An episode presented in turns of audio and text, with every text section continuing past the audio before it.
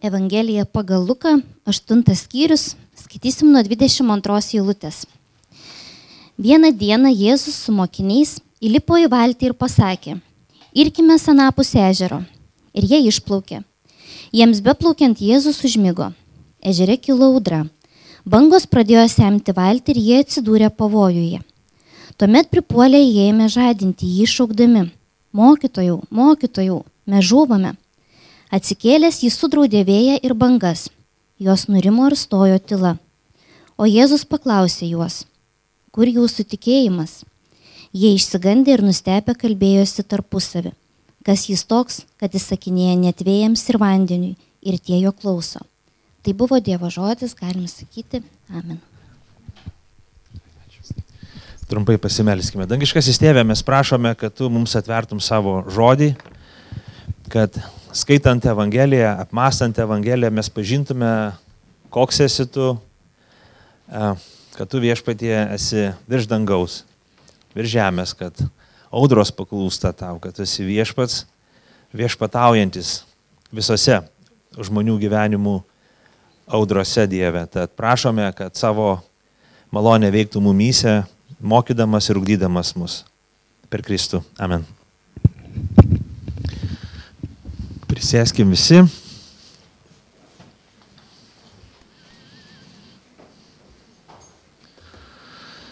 Taigi šitoje istorijoje, kurią ką tik perskaitėme, mes regime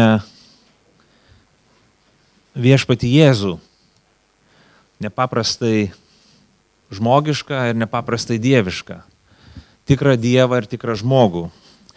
Labai trumpa istorija.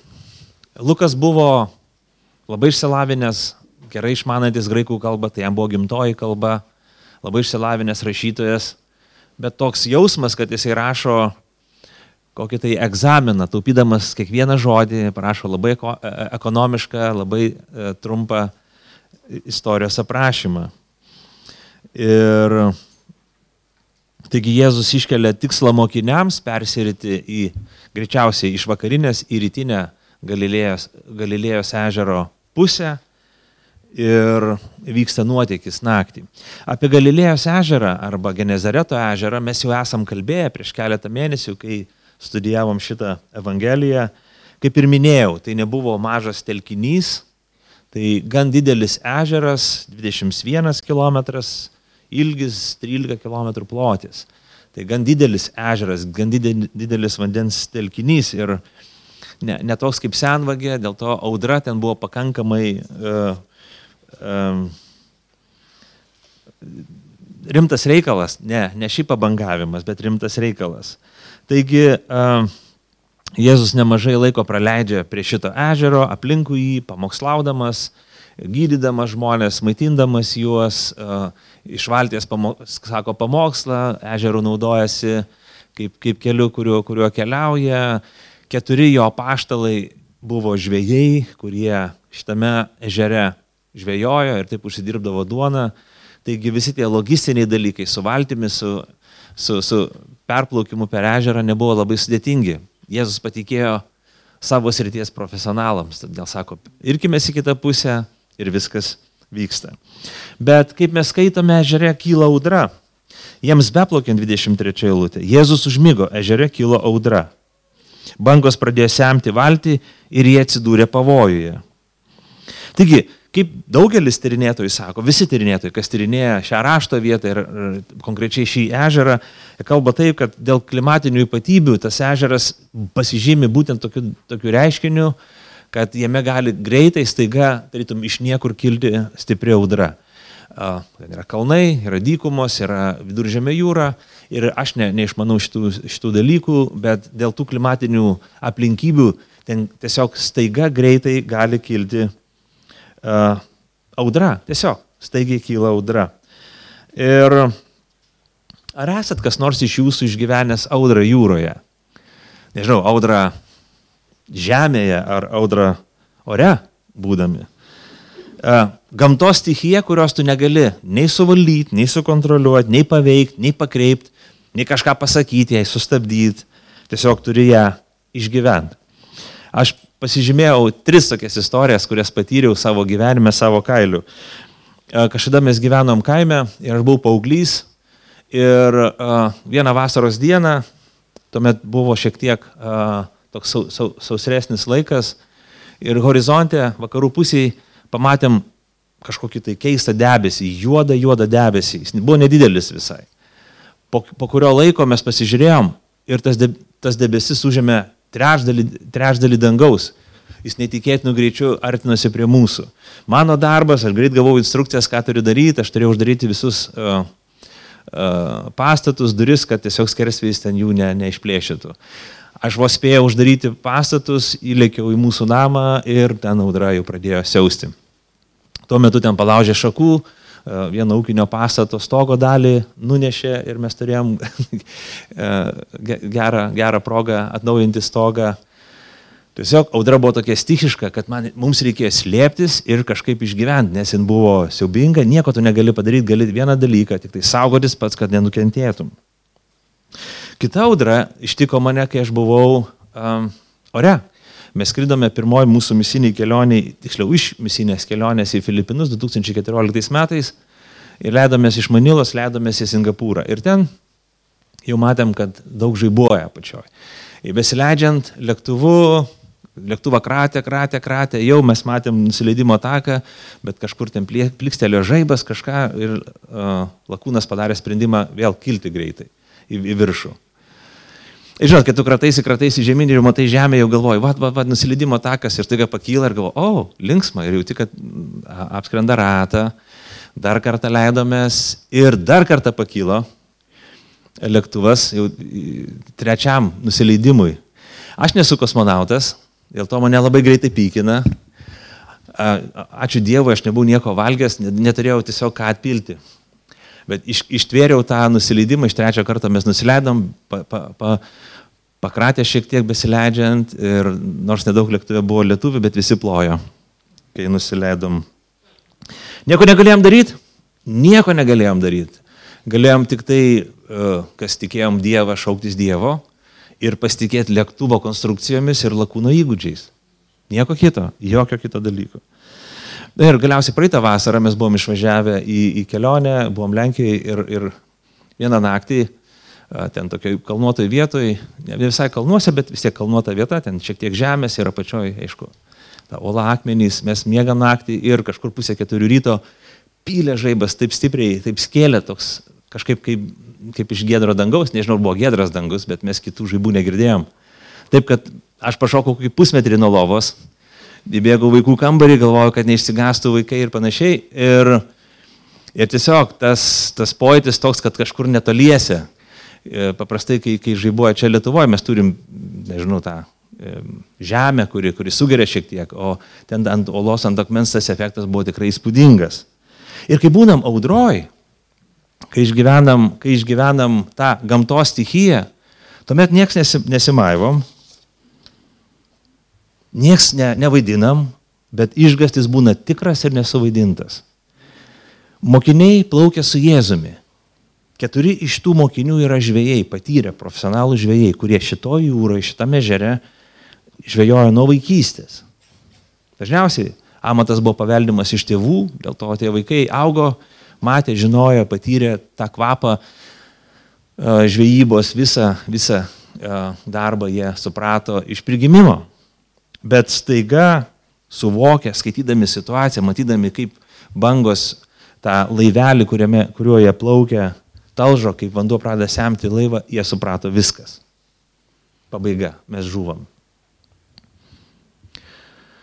Žydai turėjo aišku suvokimą, kad visus gamtos reiškinius stichija valdo Dievas. Čia reikėtų tą supratimą, manau, turėti ir mum krikščionim, nes kartais mes atsijėm Dievą nuo gamtos ir galvojam, kad gamta valdo kažkas, o gal gamta pati save valdo, o viešpats atskirai. Bet iš ties gamta nėra suvereni, gamta neturi savo valdžios, gamta nėra ta, kuri daro tai, ką ji nori. Gamta nėra Dievas, gamta yra Dievo kūrinys, kūrinyje yra Dievo rankose. Žiūrėkit, 29 psalmė gražiai sako apie tai. Mm.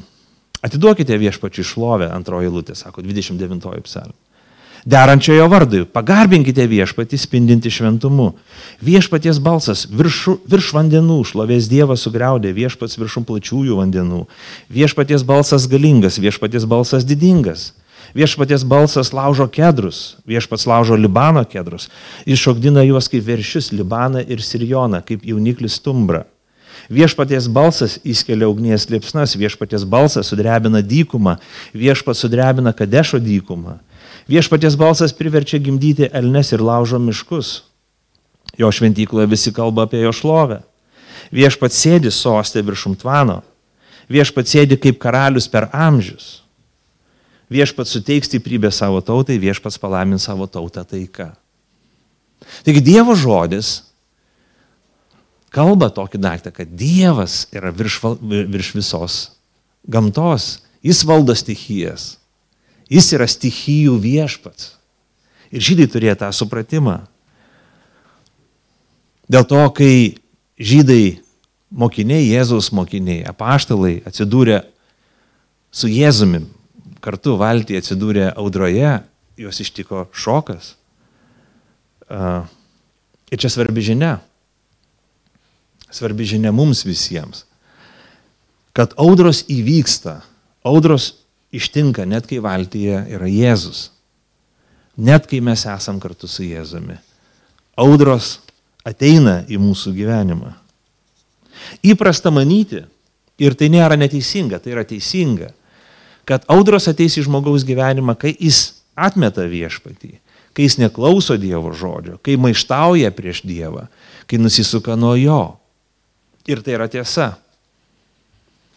Jeigu pažiūrėsim visą maištaujančio prieš Dievą žmogaus gyvenimą, mes pamatysime, kad tai savęs ir kitų naikinimo kelias, susinaikinimo ir kitų naikinimo kelias. Žmogus, kuris maištauja prieš Dievą ir prieš kurį, jisai, jisai plaukia į audrą, jis plaukia į atvirą jūrą, kur jo laukia audra. Žaibai, griaustiniai ir bangos. Bet Biblija mums kalba irgi svarbų dalyką, papildo mūsų matymą. Kad netgi tuo met, kai mes paklūstame Dievui, kai esame su juo, kai klausome Kristaus, audros ateis į mūsų gyvenimą. Žiūrėkim, nemokiniai nusprendė plaukti kitą ežero pusę, bet Jėzus pasakė, plaukime kitą ežero pusę. Mokiniai sėdo į valtį ne dėl to, kad jie taip sugalvojo netgi, ne dėl to, kad jie nepakluso Kristui, atvirkščiai dėl to, kad viešpats taip sugalvojo ir dėl to, kad jie pakluso Kristui. Ir audra juos ištiko. Taigi, audros gali būti mūsų gyvenime. Arba net sakyčiau taip, audros neišvengiamai bus mūsų gyvenime. Net kai mūsų gyvenime, mūsų valtyje yra Jėzus. Įdomu, mokiniai šaukėsi, mokiniai daro kažką, veikia, šaukėsi Jėzaus, bet Jėzus miega. Kaip čia dabar suprasti? Jiems beplaukiant Jėzus užmygo 23 eilutė sako. Yra taip nutikę jums? A, aš kai gyvenau, mokiausi ir dirbau Vilniui, aš dirbau stoties McDonald'e Ir vakarais, kai va, pa, paskutinė pamaina baigdavosi, aš sėsdavau į paskutinį troleibusą, kartais ir anksčiau, jeigu baigdavau darbą. Ir aš tai buvau įgudęs, nes gyvenau Žirmūnuose, kas šiek tiek išmanot Vilnių. Tai mano kelionė būdavo visas maršrutas pravažiuoti. Arba prieš paskutinį stotelį išlipdavau, arba paskutinį. Pirmoji lipu, paskutinį arba prieš paskutinį išlipdavau. Aš buvau taip įgudęs, kad įsėdęs į troleibusą iki kitos stotelės aš jau užmigdavau. Ir sukant vieną posūkį į dabartinę kareivių gatvę, aš jau prabusdavau ir išlipdavau ten, kur man reikėdavo. Tai buvo įgūdęs. Labai geras laikas. Ypatingai, kai diena ilga, kai pavargęs esi, tu numiegi kokį 20-25 minutės ir tu atsibundi, iššoki iš trolibuso, dar dabėgi iki savo namų ir dar turi energijos kažką padaryti, kažką paskaityti, su kažko pabendrauti, nes šiek tiek esi atsigavęs, tokį trumpą uh, tą uh, tokį galios miegą pamiegi. Nieko nėra geresnio kaip kelionė mėgot. Ir Jėzus visiškai kaip žmogus, keliaujantis valtyje, užmiega. Aš galvoju, kai keliaudavo pešiomis, pamiegoti neišeina, pavargsti. Jeigu joji ant kokio asilo, nu tai kelionė kaip su asilu, irgi manau, kad nepalisėsi. Vežime, karieto irgi turi būti labai gerai padaryta, kad tu kažkaip palisėtum. Bet laive tu plauki, siubuoja, teliškuoja, vėjelis pučia, klimatas nuostabus, tiesiog pati geriausia, pats geriausias dalykas po visokių mokymų, susitikimų su žmonėmis, maldų, tarnavimų, geriausias būdas atstatyti jėgas tiesiog pamiegoti. Ir Jėzus tai daro. Bet jis, jis, įdomu tai, kad audrai prasidėjus, audra pradeda kratyti, purtyti viską, semti valtį, laivą, o Jėzus toliau miega. Ir galvoju, ar čia, dievi, ar čia žmogiškas dalykas, o gal jau čia dieviškas dalykas miegoti per audrą. Jėzus miega. Mūsų ištinka audra, o Jėzus miega, mokiniai blaškosi, kažką daro su, su nežinau, su e, būrėmis, kažką daro su irklais, bando iš, iš, iš, išpilti vandenį, atsisuka, žiūri Jėzus, kaip mėgoja, taip miega. Jie šaukėsi jo. Hei, jis mokytojas. Jis pašaukė juos. Jis išrinko juos. Jis pasiuntė juos plaukti, todėl jie čia. Jei jis yra tas, kaip čia viskas vyksta, jis miega. Labai įdomu, e, Lukas užrašo, kad jie šaukia taip, mokytojų, mokytojų, mes žūvame. Morkus, kuris turėjo kažkokį prieigą, greičiausiai per apaštalą Petrą, per pirminių šaltinių, jisai sako taip, mokytojau, tau nerūpi, kad mes žūvame. Jie kaltina Jėzų, Jėzau, tau nusispjaut, kad mes mirsim. Tau nerūpi. Jie galvoja, Dievui nerūpi. Dievas pamiršo. Reikia primint, pasakyti Dievui, buvo jis nežino. Paaiškint, paskubint, nes, nes viskas baigsis blogai, jeigu nesuskubėsim.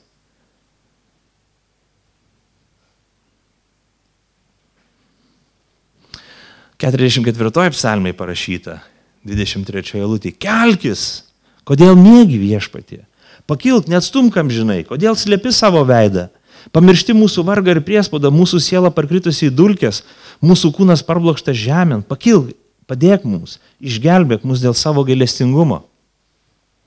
Psalmininkas sako, kelkis, kodėl mėgi viešpatį. Nori pažadinti Dievą, nori pažadinti Kristų. Ir čia tai, kaip mes dažniausiai galvojam, tai būdinga mums visiems. Mes galvojam, Jėzus mokiniai taip galvojo, kad jie arba mes geriausiai žinom, kas ir kaip, kokiu būdu ir kada turi įvykti. Mes geriausiai žinom, kaip istorija, situacija turi klostytis. Mes taip galvojam. Dėl to jaučiam, turi teisę ar net pareigą pasakyti Dievui, ką jis turi kada padaryti. Pažadinti jį. Pasakyti, tau, ner, tau visai nerūpi. Tau visai nerūpi, kad mums čia blogai labai. Dievo skubinimas yra tuščias, yra kvailas, yra puikybės pilnas dalykas.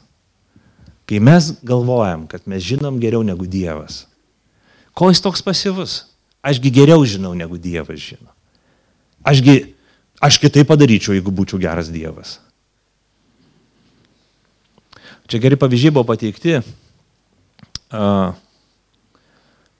Kai žaidžia krepšininkai ir futbolininkai aikštelėje, jie kartais nemato bendro vaizdo.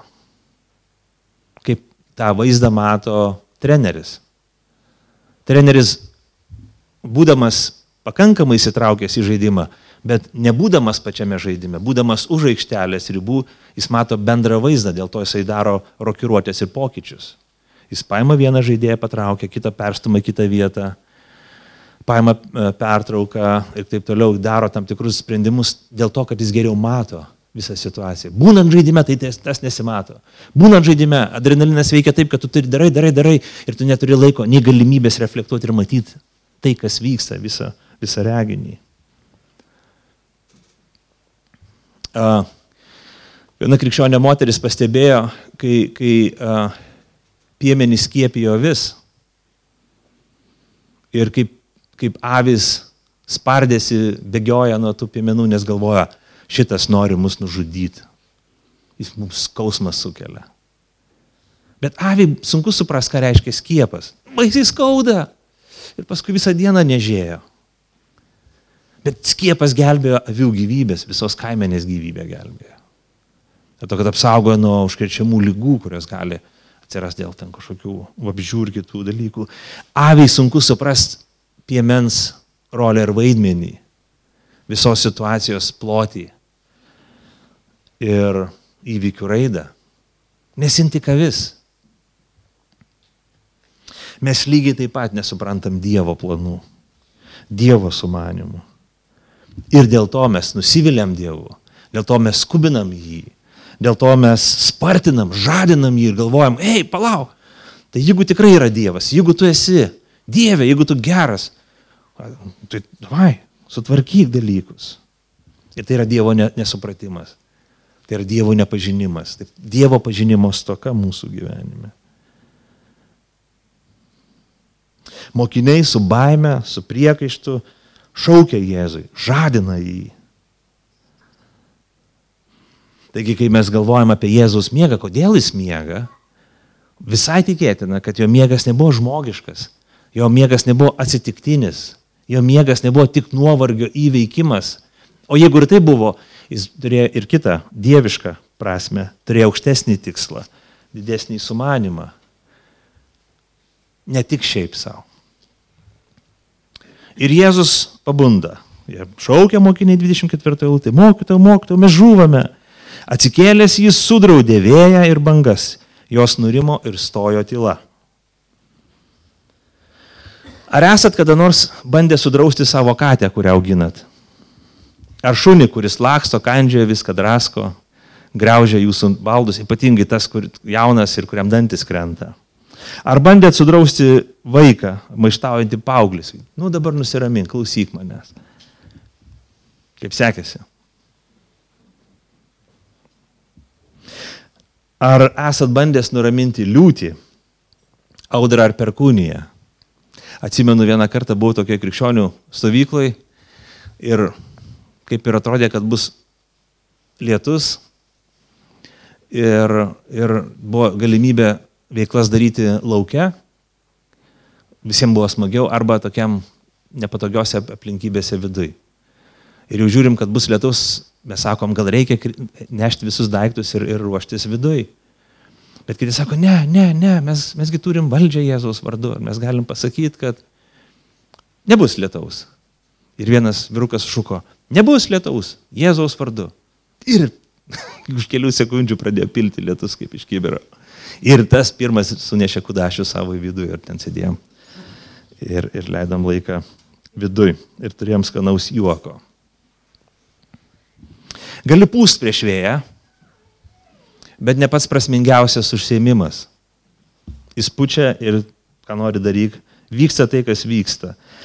Audrų stichijų metu pamatai, koks tu esi bejėgis, kokia tavo jėga yra ribota. Mes čia, kol saulė šviečia ir viskas ramu, jaučiamės esą pasaulio dievai, gyvenimo savo likimo kalviai ir taip toliau. Bet štai, štai ateina audra, kad ir nedidelė audra. Ir visas mūsų pasitikėjimas, vis, visa mūsų įsivaizduojama gale ir gyvenimo kontrolė mūsų rankose pradeda tirpti kaip sniegas sauliai pakilus pavasarį. Vieną dalyką, ką mes galim daryti, slėptis ir bėgti į prieglopstį. Jėzus pabunda. Ir mes nežinom, kiek laiko jis būdo. Gali būti, kad jis dar pasiražė, gal nuėjo pasidaryti kavos, aš nežinau. Apsidairė, bet jisai sudraudžia vėją ir bangas.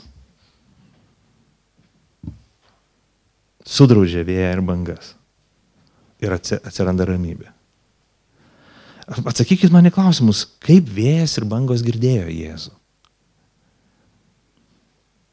Kas Kas iš jų suprato viešpatie žodžių? Vėjas ar bangos suprato viešpatie žodžius? Į kurią pusę turėjo Jėzus kalbėti, pavėjų ar prieš vėją, kad jie suprastų? Kaip vėjas apskritai gali suprasti? Elisteris Begas, e, pastorius yra gražiai pasakęs, viešpats kalba kaip Dievas. Jis kalba ir jis sako elementams, iš kurių sudaryta visata. Ir jis pasako jiems. Ša. Ir visi nurimsta. Neįtikėtina. Žinot tą ramybę, kuri būna sekantį rytą paudros. Saulė šviečia, viskas drėgna, kažkiek prilūžusi šakų, privartytų dalykų, bet viskas ramu. Viešpats tai padarė savo įsakymu, savo žodžiu. Jis įsakė, taip ir įvyko. Ir viešpats paklausė savo mokinių, kreipėsi mokinius. Štai koks pamokslas, koks lakoniškas pamokslas, kurį Jėzus pasakė. 25 eilutėje jisai skamba taip, kur jūsų tikėjimas. Kur jūsų tikėjimas? Tik tiek žodžių, trys žodžiai. Kur jūsų tikėjimas? Timothy Kelleris sako, nėra taip, kad jisai sako, jūs neturite tikėjimo. Ne, ne, Jėzus nesako taip. Jėzus sako, ei, vyrai, ei, mokiniai, va dabar šitoje situacijoje jūsų tikėjimas ir turėjo būti pademonstruotas, jis turėjo būti parodytas.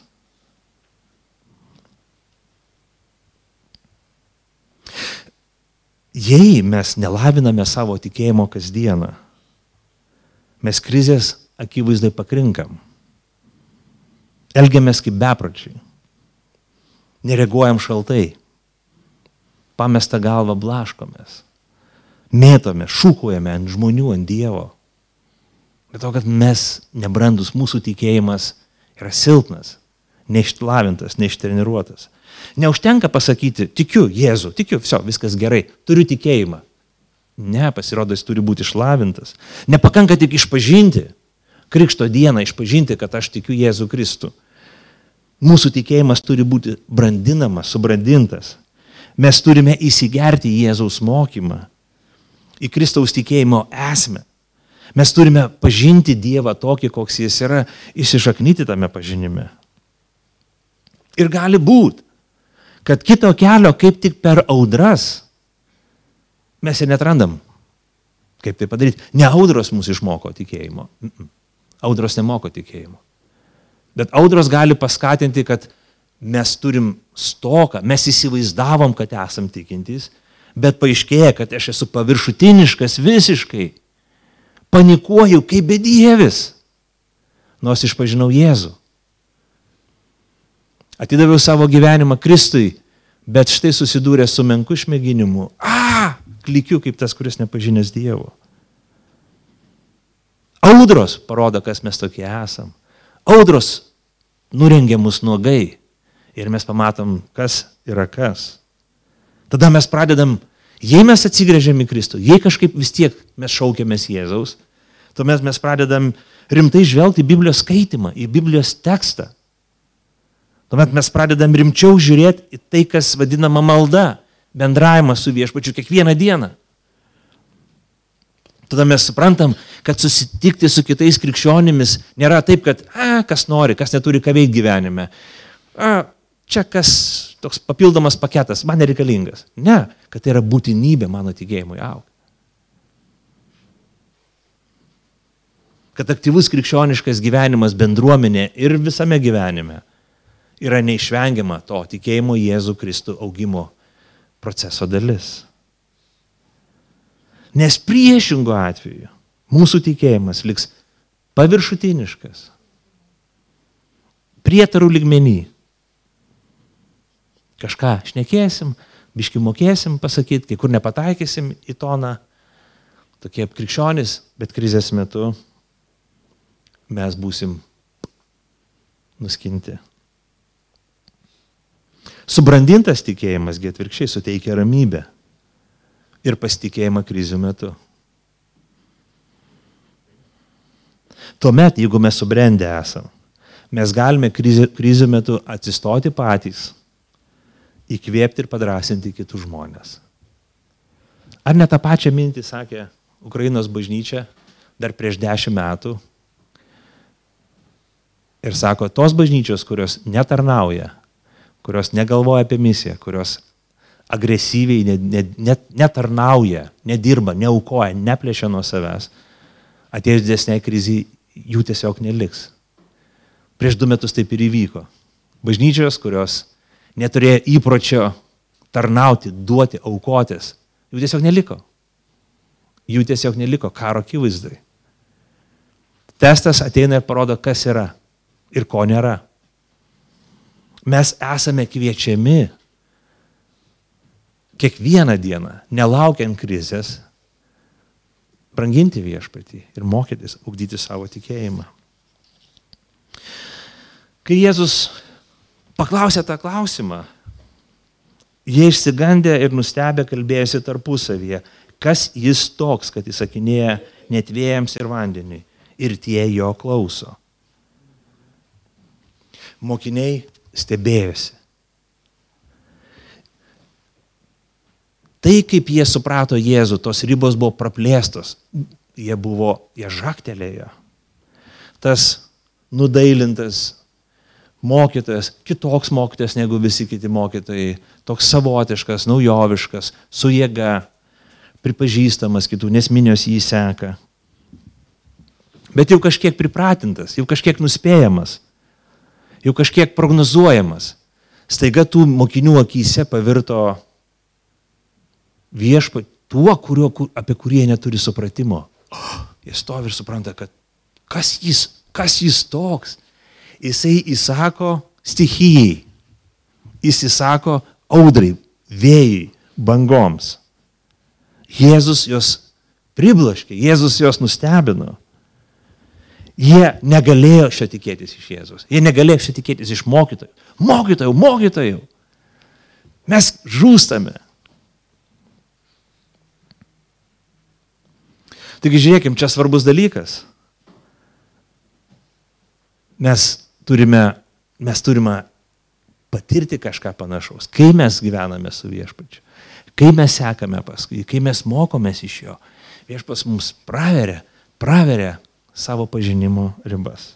Žiūrėkit, mokiniai išplaukė vienoje ežero pusėje, plaukia ir įvyksta audra, ir įvyksta kažkokie tai patyrimai.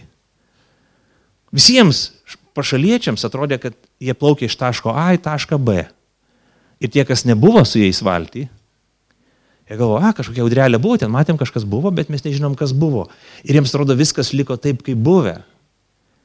Bet pačioje valtyje, tų pačių mokinių širdys ir gyvenimuose įvyko labai svarbus atradimai. Jie suprato ir suvokė, kad ta patirtis, audra, baimės, klaidos, nebranda per Jėzaus veikimą, per jo tarnystę apreiškia Jėzų kaip visatos, kaip kūrinijos viešpatį ir Dievą. Tokio viešpaties jie nebuvo pažinę. Jie vis, vieni mokiniai sėdo į valdį, įlipo į ją, visai kiti mokiniai iš jos išlipo kelionės pabaigoje. Tai mes esame su Kristumi. Audros mus perkeičia. Audras viešpats naudoja tam, kad transformuotų mus. Parodytų kažkiek, kiek es, kas esame mes, parodytų tikrus ir dalykus, kuriuos mes turim, arba atskleistų, kad įsivaizduojami dalykai tai yra tik mitas mumyse, tik tai šešėliai, tik tai dulkės, netikras dalykas. Ir tuo pat metu jis apreiškia save. Apreiškia savo didybę. Apreiškia tai, koks yra jis mokiniai turėjo galimybę būti perkeistais, ūktelėjusiais, išmokusiais pamoką, pažinusiais viešpatį. Audros ir mūsų gyvenime turi dievišką tikslą.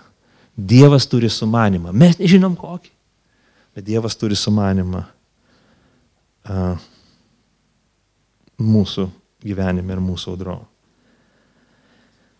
Mes to nežinom. Mes nežinom. Aš negaliu pasakyti tau, tu negali pasakyti man. Dievas veikia ir, ir, ir, ir darbuojasi kiekvieno iš mūsų širdyse. Penkis dalykus, ką galėtumėm pasimokyti, pasakysiu. Tai pirmas dalykas, čia primenu, kad audros vyksta krikščionių gyvenime. Čia labai svarbus momentas. Mes turim savo tą pripažinti. Turim savo tą įkalti galvą. Turim padrasinti tuos, kuriuos ištinka audra. Kad taip, uh, audra gali kilti mūsų gyvenime. Audra ateis į mūsų gyvenimą. Net me, jeigu mes mylim Jėzų. Net jeigu Jėzus mums įsakė kažką daryti kartais viešpas mus siunčia kažkur daryti, mes jaučiam, kad tai Dievo siuntimas, mes įsitikinę, kad Dievas mums liepia daryti gerus darbus, eiti kažkur, e, daryti teisingus dalykus. Ir ateina pasipriešinimai. Ateina nuovargiai, problemos. Mes nežinom, ką jos reiškia. Jeigu gerus dalykus darom, mes turim tęsti daryti, daryti juos toliau. Kartais mums atrodo, kad Dievas dėlse, kad uždėlse, kad jis miega.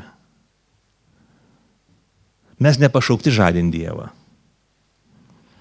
Mums nereikia vaizduotis arba reikia išeiti iš tos rolės, kai galvojam, kad mes geriau žinom negu Dievas. Kad mes turim Dievui viską pasakyti, įsakyti ir liepti jo vardu, kad taip įvyktų.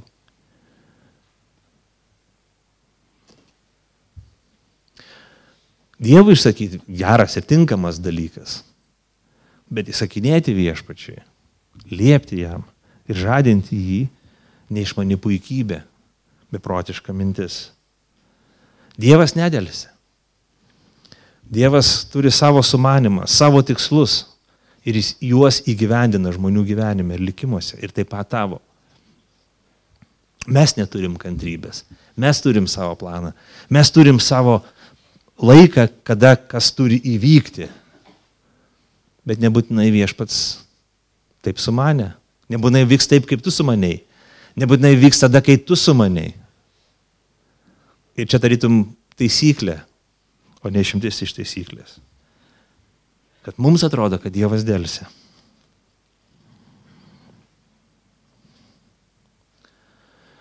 Visos istorijos yra labai skirtingos. Ne visos krikščionių audros istorijos baigėsi taip, kaip šita Evangelijos istorija. Žiūrėkim, mes skaitome istoriją, nemokymą.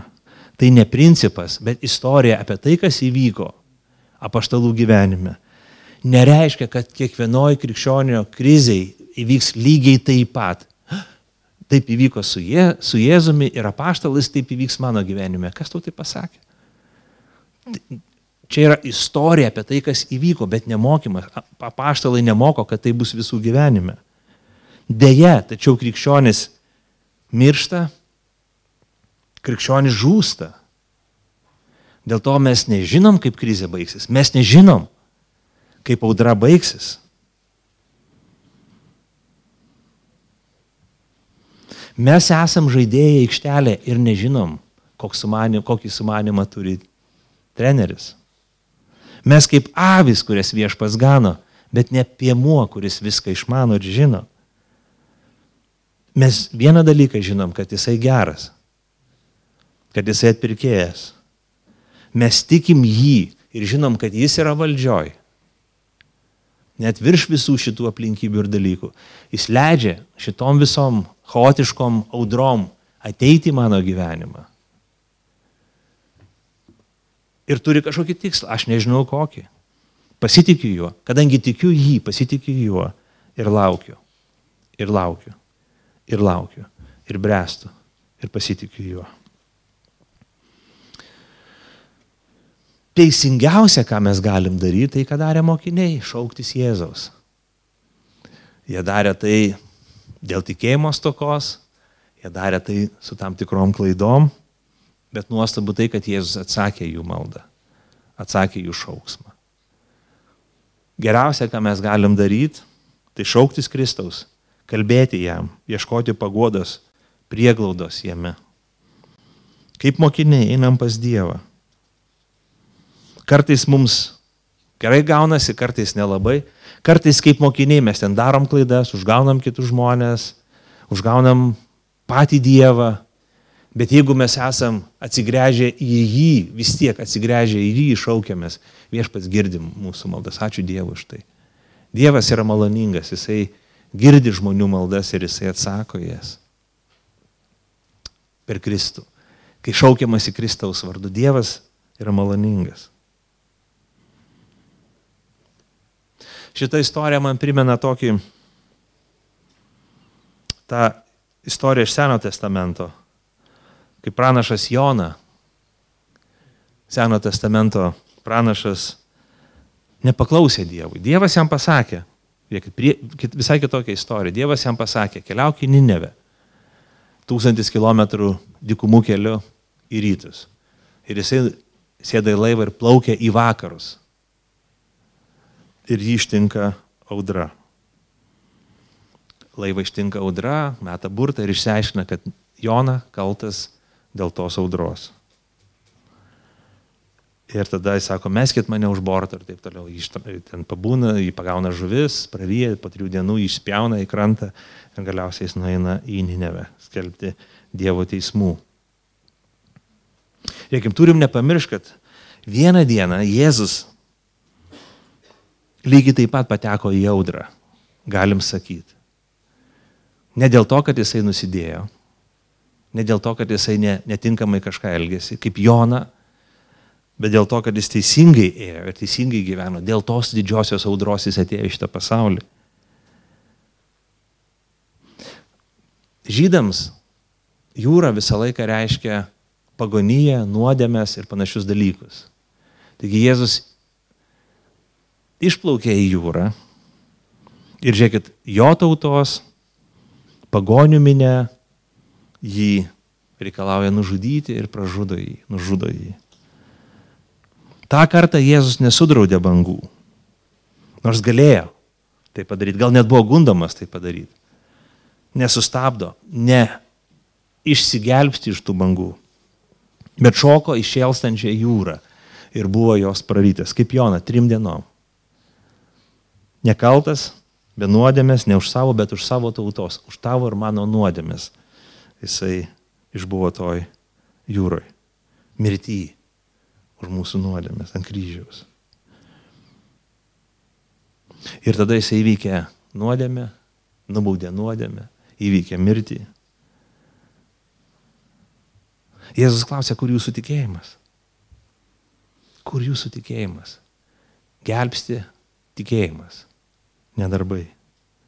Šiandien tikėjimas į Jėzų Kristų, jo kryžių, jo mirtį ant kryžiaus, jo pasinerimą į tą mirties jūrą ir prisikelimas iš mirties gelbsti kiekvieną, kuris patikės. Ne darbai, ne nuopelnai, ne mūsų gerumas, ne mūsų pasiekimai, bet tik tikėjimas į Jėzų gelbsti kiekvieną, kuris tik patikės į Jėzų. Gelbsti kam? Gelbsti darbams, gelbsti nuopelnams, gelbsti gerumui, gelbsti pasiekimams, Jėzaus Kristaus garbiai. Ne per darbus mes ateiname pas viešpatį. Ateiname per tikėjimą pas jį, patikėję juo. Ir mums užskaitomas įteisinimas. Bet tuomet mes esame pašaukti, pašaukti darbuotis daug daugiau negu kiti. Su visa energija, kurią mums kuriejas yra suteikęs.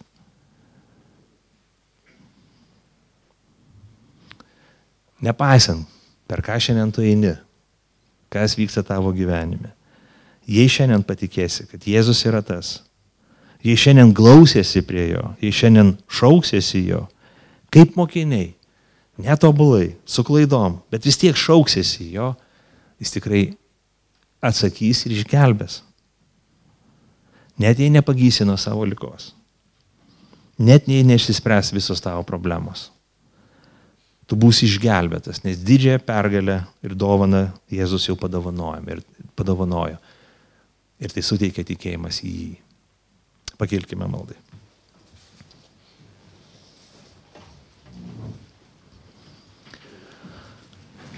Viešpatie, mes iš ties dėkojame tau. Dėkojame tau už tai, kad ne per darbus, bet per tikėjimą mes galime ateiti. Ir netikėtina istorija, kai toje audroje tu viešpatė apsireiškiai kaip žemės valdovas, kūrinijos viešpats, nes toks tu esi. Bet dar daugiau tu esi sielos atpirkėjas ir gelbėtojas. Todėl mes išpažįstame tave kaip savo gelbėtoją ir viešpatį. Ir šaukiamės tavęs, kad tu pirmiausia išgelbėtų mūsų sielas, atgimdytų mus kaip savo sūnus ir dukras, brandintų mus tikėjime. Lygiai taip pat mes melžiam, kad jei kažkas iš mūsų esame audrų apsupty, esame išmėginime, kad mes pasitikėtumėm tavim, nes tu žinai laiką, tu žinai prasme, tu žinai tikslą. Kiekvieną iš mūsų ugdyk, augink, brandink, kad būtume subrendę tikėjimu, o ne kūdikiai, kad būtume stiprus, o nesibuojantys. Dėkojam tau. Amen.